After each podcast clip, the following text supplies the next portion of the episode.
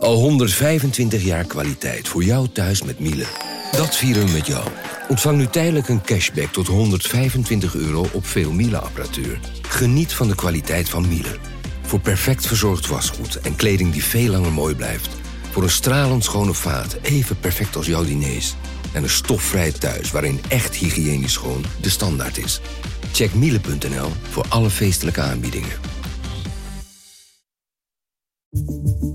Vanaf de redactie van NRC het verhaal van vandaag. Mijn naam is Thomas Ruip.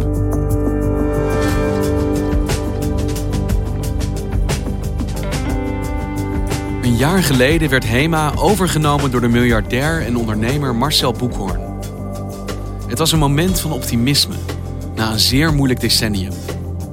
Door de vorige eigenaar, een Britse private equity firm, werd het bedrijf liefdeloos opgezadeld met een schuld van ruim 750 miljoen euro.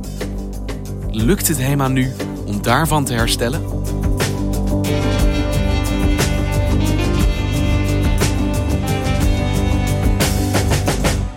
Een jaar geleden kregen wij s ochtends een uitnodiging in onze e-mailbox van, van HEMA ehm, dat er een koper was gevonden voor het bedrijf. Joost Pijpker is redacteur op de economieredactie en volgt de detailhandel en horeca voor NRC. Samen met een collega ging ik naar ehm, het hoofdkantoor van HEMA in Amsterdam-Noord.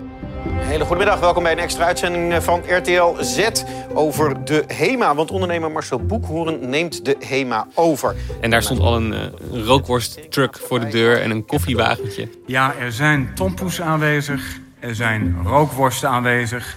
Ze zijn gratis, maar pas beschikbaar na de persconferentie. En binnen zou even later Marcel Boekhoorn en Tjeerd Jegen, de directeur van HEMA, hun opwachting maken om te vertellen dat uh, het bedrijf was gekocht, wat hun plannen voor de toekomst waren en ook waarom Marcel Boekhoorn uh, HEMA had gekocht. Want vandaag is een hele belangrijke en een hele heugelijke dag voor HEMA.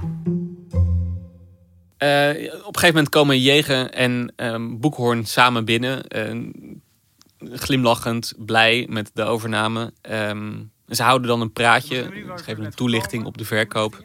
Ik geef graag het woord aan Tjeerd Jegen, CEO van HEMA. Dankjewel uh, Arnold en allereerst welkom bij HEMA. En uh, speciaal voor het fotomoment ligt er dan op tafel een hele grote uh, HEMA-tompoes... die ze samen aansnijden voor de fotografen. En wat is het gevoel wat jij proefde daar op die persconferentie? Um, bij Marcel Boekhoorn trots dat hij nu eigenaar was van zo'n prachtig merk als HEMA. De HEMA, een prachtig bedrijf. Een icoon in het Nederlandse retaillandschap. Een bedrijf met prachtige kansen. Bij Tjeerd Jegen toch iets meer opluchting. Dat hij eindelijk verlost was van uh, de eigenaar die het bedrijf um, elf jaar lang in zijn macht had gehouden. Deze overname lijkt ertoe dat de Hollandse eenheidsprijzenmaatschappij Amsterdam, oftewel HEMA, weer 100% Nederlands is. De opluchting bij HEMA was groot, want um, er kwam nu eindelijk iemand die iets aan het bedrijf ging doen. HEMA kreeg een toekomst en dat was jarenlang niet het geval, want HEMA kampte met een enorme schuldenlast. Het bedrijf had 750 tot 800 miljoen euro geleend. Deze lodenlast zit groeiende weg en belemmert optimale gebruikmaking van de kracht van het oersterke merk HEMA. En daar moest iets aan gebeuren. Die schuldenlast moest flink omlaag, vond Marcel Boekhoorn. Echt HEMA. En hoe komt een bedrijf uh, als HEMA aan 700 tot 800 miljoen schuld? Dat begint bij de overname door Lion in 2007. Lion is een Britse investeerder. Een private equity investeerder heet dat. En dat zijn um, jongens die op zoek zijn naar investeringen waar ze snel geld mee kunnen verdienen. HEMA was van een Nederlands beursgenoteerd bedrijf. En dat bedrijf uh, ging kijken naar het verkopen van onderdelen. HEMA was interessant, want HEMA is een, een, een, merk dat iedereen kent. Heel veel Nederlanders hebben ook een positieve associatie bij HEMA. Die vinden dat een, een oer-Hollands bedrijf. En HEMA ging dus in de verkoop omdat ze dachten dat ze daar geld aan konden verdienen. En dan zijn er mensen die vage interesse hebben. En dat wordt steeds concreter. Dus het aantal partijen wordt steeds kleiner. Uh, en de interesse wordt steeds groter. En uiteindelijk is het Lion die op het aller, allerlaatste moment nog net even iets hoger gaat. Ze bieden het meest, dus ze winnen. Ja, naar verluid gaat het om een bedrag van 1,1 miljard euro. Om en nabij. dat bedrag dat betalen ze maar voor een deel zelf. Want private equity investeerders die, die hebben een soort truc waarbij ze een bedrijf zonder schulden of met een hele kleine schuld eigenlijk een deel van de overnamesom laten lenen. Want hoe gaat dat in zijn werk? Hoe, hoe werkt zo'n truc? Op het moment dat je geen schuld hebt, kun je geld lenen. Ehm, je hebt een bedrijf, dat is een bedrag waard. En er zijn investeerders of banken die zeggen: Ik wil wel geld uitlenen aan zo'n bedrijf, omdat we denken dat we daar rente op kunnen verdienen. Dus terwijl zij die, die onderhandelingen doen en dat bod doen op HEMA, weten zij al op de achtergrond: oké, zoveel geld kunnen we ongeveer lenen. En dat kunnen we dan met HEMA lenen. Dus Dus ze gebruiken dat gezonde HEMA eigenlijk als een soort vehikel om geld ergens anders te kunnen lenen. ja, eigenlijk nemen ze een hypotheek zoals bij een huis. Dan heb je het huis als onderpand en daar neem je een hypotheek op. En elke maand betaal je dan rente om eh, die hypotheek af te lossen. Bij HEMA doen ze dat hetzelfde. Er, er was geen hypotheek, maar ze nemen dan op een afbetaald HEMA nemen ze een hypotheek. En elke maand laten ze HEMA de rente betalen over dat bedrag.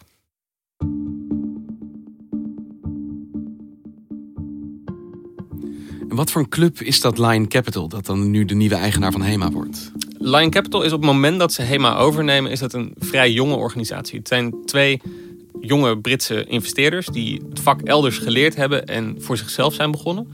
En eh, ze zijn bezig aan hun eerste grote investeringsronde. Ehm, dus dan gaan zij ook weer bij investeerders rond en dan zeggen ze: We zijn een fonds aan het maken en willen jullie inleggen in dat fonds? En dan gaat eh, Lion met dat geld gaan ze kijken waar kunnen we in investeren. Als ze een heel bedrijf zouden kopen zonder die leningconstructie, zouden ze met zo'n fonds maar één of twee bedrijven kunnen kopen. Maar als ze het doen met die private equity constructie, met die leningen, dan kunnen ze veel meer bedrijven kopen. Want dan zijn ze maar een derde van de overnameprijs kwijt. Je hoeft maar een gedeelte zelf in te leggen en de rest leen je toch bij uit naam van dat bedrijf wat je overneemt. Precies. Met dat fonds ehm, doen ze een aantal investeringen. En één daarvan is HEMA. En HEMA is ook verreweg de grootste. En dat is ook wel spannend. Want ze weten wel iets van merken. Ze weten wel iets van winkelketens. Maar zo groot als HEMA, met zoveel vestigingen en zoveel omzet... daar hebben ze nog helemaal geen ervaring mee met hun eigen fonds. Nee, want je kan natuurlijk als doel hebben eh, veel geld te lenen, het snel weer door te verkopen. Maar je bent natuurlijk nu wel eigenaar van zo'n bedrijf. Ja. Als twee snelle Britse jongens. Is dat een match? Deze Britse partij met het HEMA dat wij kennen met tompoezen en rookworsten en slaapzakken. Mensen kennen HEMA natuurlijk als een bedrijf van onderbroeken... voor een klein prijsje, voor goedkope dingen voor in huis. Nu 7 gulden 50. Ehm, dat is ook een beetje de oorsprong van HEMA. Want HEMA is ooit ontstaan uit de Bijenkorf. De Bijenkorf was wat duurder, wat luxer. Wilde een winkel waar mensen voor eh, lagere prijs heen konden. Dus uit de Bijenkorf werd ook de HEMA geboren. Mijn tante Lena koopt bij de HEMA. Al heb je een kwartje zo, ze zegt kan je in de HEMA al terecht. Mijn tante Lena koopt bij de HEMA. En die, die, die lage prijsjes sloegen heel erg aan bij het Nederlandse volk. HEMA had gewoon een grotere doelgroep. Er waren meer mensen die bij HEMA konden kopen. Precies. Ja, toen is HEMA heel snel gegroeid en echt een publiekslieveling geworden. En die cultuur is altijd gebleven. Hem- Nederland is HEMA ook zo blijven zien. Neem de HEMA maar te bad. En tante Lena geeft je ieder goede raad. En Lion Capital is het tegenovergestelde van HEMA. Dat zie je alleen al aan de plek waar zij zitten. HEMA zit op, eh, in Amsterdam-Noord in een vrij bescheiden, weliswaar modern hoofdkantoor. Lion Capital zit in eh, een van de duurste wijken van Londen. In een groot pand vol met marmer, met eh, bronzen beelden van, van leeuwen voor de, voor de lift. En ehm, kijken uit op de tuinen van Buckingham Palace. Dus die zitten op ja, een plek waar de, de HEMA-bestuurders zich helemaal niet thuis voelen als ze daar op bezoek moeten. Ja, dus ogenschijnlijk is het helemaal niet zo'n logische match. Want hoe gaat het dan vanaf dat moment in 2007 dat Lion Capital toch de nieuwe eigenaar wordt van dit nou ja, Nederlandse bedrijf? Lion Capital neemt het over met het idee, we kunnen het vrij snel weer verkopen. Dat is hun strategie. Zo'n fonds sluiten ze voor een aantal jaar af. Dat is meestal zeven jaar met de optie om het nog eventjes te verlengen tot negen.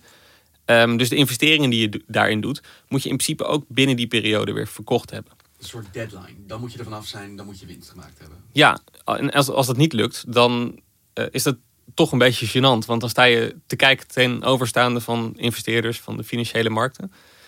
Nou, ze vinden al vrij snel iemand die het wil kopen. En daar is ook best een goed gevoel over bij HEMA. Want in 2010, ehm, en dat loopt door in 2011, ehm, raken ze aan de praat met Ahold. De HEMA staat opnieuw te koop. Dat heeft de eigenaar van de winkelketen, het Britse investeringsfonds Lion Capital, bekendgemaakt. Het moederbedrijf zegt dat het goed gaat met de HEMA en hoopt veel geld te kunnen verdienen met de verkoop. Op dat moment gaat het nog best goed met de HEMA. En eh, is Ahold bereid om 1,3 miljard euro te betalen aan Lion voor HEMA.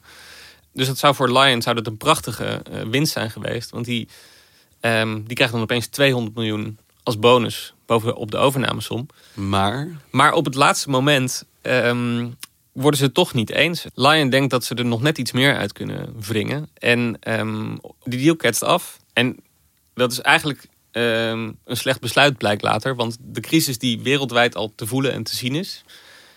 die begint langzaam de winkelstraat in te sluipen. Winkelstraten lopen leeg, ondernemingen gaan failliet. Het is crisis in de winkelstraat. En ook V&D zit in zwaar weer. In 2011, 2012 beginnen de eerste ketens, zoals V&D, beginnen te merken dat hun omzet langzaam terug begint te lopen. En dat in de jaren daarna leidt dat tot het ene na het andere faillissement. Het jaar had niet slechter kunnen eindigen voor de 10.000 werknemers van de V&D. De warenhuisketen is op de valreep van 2015 failliet verklaard. En daarmee is het opeens een iets minder aantrekkelijke investering voor een mogelijke koper dan in 2011 of 2010. Dus je hebt een bedrijf dat steeds minder winst maakt, denk ik, vanwege de crisis in de winkelstraat die eigenlijk alle grote uh, retailers voelen. En je hebt dus een private equity eigenaar die in paniek begint te raken omdat ze er niet vanaf komen. Ja, en juist omdat ze die enorme schuld hebben en elk jaar uh, tientallen miljoenen aan rente moeten betalen, is er ook geen geld om te investeren. Dus er wordt niet echt meer naar voren gekeken. Er wordt eigenlijk gekeken naar een moment om uit elkaar te gaan.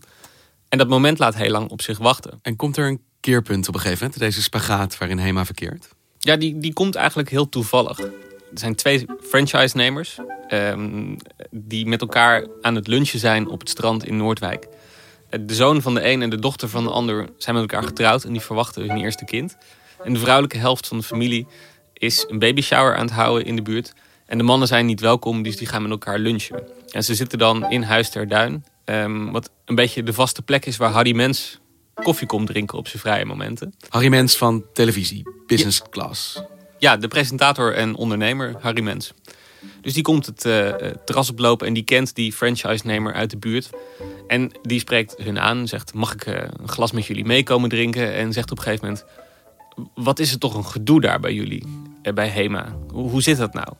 En die mannen die, die beginnen leeg te lopen en die zeggen: Ja, nou, een beetje gekscherend. Ja, nou, als je iets weet of als je iemand weet die het kan overnemen, dan, uh, dan horen we het wel. En uh, ze verwachten daar niks meer op te horen. Maar Harry Mens die knoopt dat in zijn oren en die gaat in zijn telefoonboek kijken wie zou dit kunnen doen. Die begint te scrollen. Die, nou ja, niet, niet daar ter plekke, maar diezelfde dag of de, de volgende dag belt hij met iemand die, waarvan hij denkt die heeft de slagkracht om dit te doen. En diegene is Marcel Boekhoorn.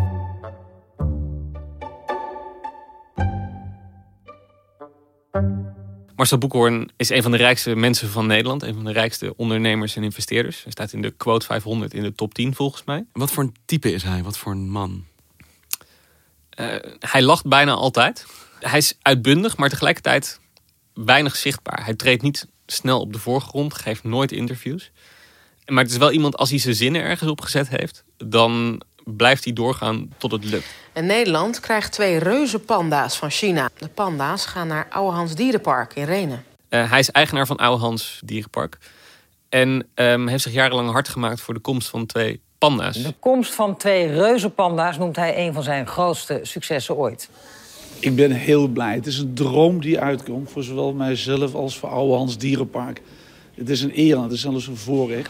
En hij is rijk geworden met slimme investeringen en hard werken. Hij begon als accountant ooit, is toen gestopt en heeft verschillende bakkerijketentjes gekocht. En die samen omgevormd tot Bakker Bart. Zijn eerste grote deal was de verkoop van Bakker Bart in 1999 aan een Duits bedrijf voor 350 miljoen gulden. 2004 nam hij Telfort over en verkocht het snel weer. Daar verdiende hij een half miljard mee, euro's dit keer. En um, Boekhoorn heeft in het verleden, in 2007, ook een moment gekeken naar HEMA. Het is uh, niet voor het eerst dat hij een poging doet om HEMA te kopen. Want hij vindt HEMA een prachtig Nederlands merk. Het is oer-Hollands, het is iconisch. Uh, hij is er heel enthousiast over. En waarom is dat eerder dan niet gelukt, als hij wel zijn zinnen erop gezet had? Omdat Lion Capital met een, een enorme som geld kwam aanzetten. En daar kon hij toen niet tegen op. Um, dat wrijft hij er ook nog eventjes in op het moment dat hij uh, de verkoop aankondigt. Dat er toen gekozen is voor iemand die andere bedoelingen had. En dat het verkeerd heeft uitgepakt. Dat HEMA daardoor nu in de problemen zit. Ik heb jaren geleden een bod op de HEMA gedaan dat me toen veel te laag vond en mij uitlachte. Lion Capital bood veel meer. En dat hebben we allemaal geweten ook. En hoe komt het dan uiteindelijk weer bij Boekhoorn terecht dat hij misschien hier weer een kans zou maken? Uh, Harry Mens belt uh, Marcel Boekhoorn en vraagt: Joh, ik zit hier met die franchisers en die vragen of jij uh, het bedrijf wil overnemen. En Boekhoorn um, die besluit in gesprek te gaan met, met Lion Capital om te kijken of ze naar elkaar toe kunnen komen. En um, uiteindelijk op, op de dag van de persconferentie in de middag wordt de handtekening gezet onder het koopcontract. En is Marcel Boekhoorn de nieuwe eigenaar van HEMA. En Lion vast ontzettend opgelucht dat ze iemand hebben gevonden. Of lukt het niet om het te verkopen op de manier waarop ze gehoopt hadden? Nou, hoeveel Lion precies heeft gekregen is heel moeilijk te achterhalen. Maar iedereen die ik daarover gesproken heb, is er wel van overtuigd dat Lion. Um, HEMA zit in een dusdanige positie dat Lion er zeker geen 1,3 miljard voor heeft gekregen. En uh, zeker ook niet de prijs die ze ervoor betaald hebben. Dus... Het is niet wat ze gehoopt hadden tien jaar geleden. Nee, maar ze zijn er nu na elf jaar wel eindelijk vanaf. En zo voelt het in Amsterdam natuurlijk ook. Ze zijn na elf jaar eindelijk van Lion af.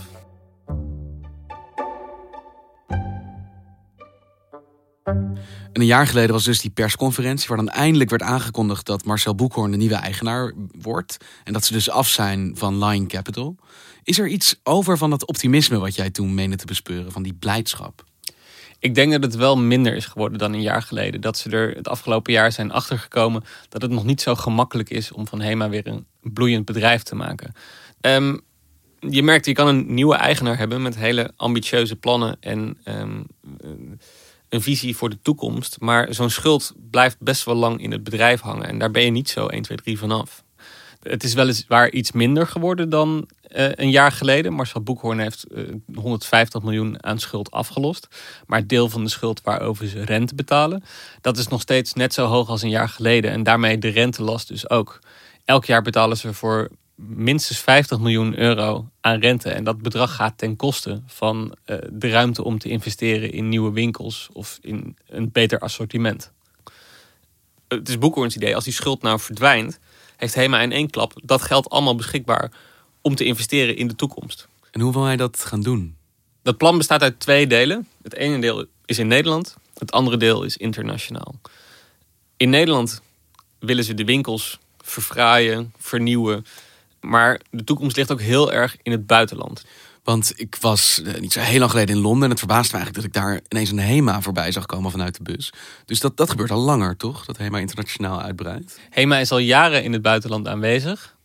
En um, vlak voordat Marcel Boekhoorn het bedrijf overneemt, um, wordt de eerste niet-Europese winkel aangekondigd in Dubai. Um, HEMA in Dubai. Een HEMA in Dubai. En dat willen ze sneller, groter, meer. Dus HEMA moet in snel tempo in zoveel mogelijk markten komen te liggen. Echt HEMA. Maar het is toch eigenlijk dodelijk, die strategie die zo'n bedrijf als Lion Capital hanteert.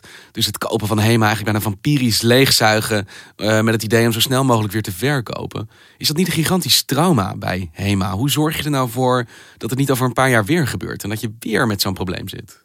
De beste manier om dat te doen is door te zorgen dat je een eigenaar hebt... die er voor lange termijn in zit. Die um, niet van plan is om het meteen weer te verkopen. Um, in die zin, Marcel Boekhoorn heeft wel gezegd dat hij voor de lange termijn voor HEMA gaat. Hij is er niet op uit om, zoals Lion, um, zo snel mogelijk het winstgevend te krijgen en dan weer te verkopen. Hij ziet HEMA echt als een bedrijf waarin hij voor langere termijn investeert. Dankjewel. Alsjeblieft.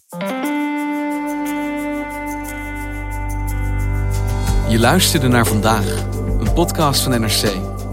Eén verhaal, elke dag. Dit was vandaag, morgen weer.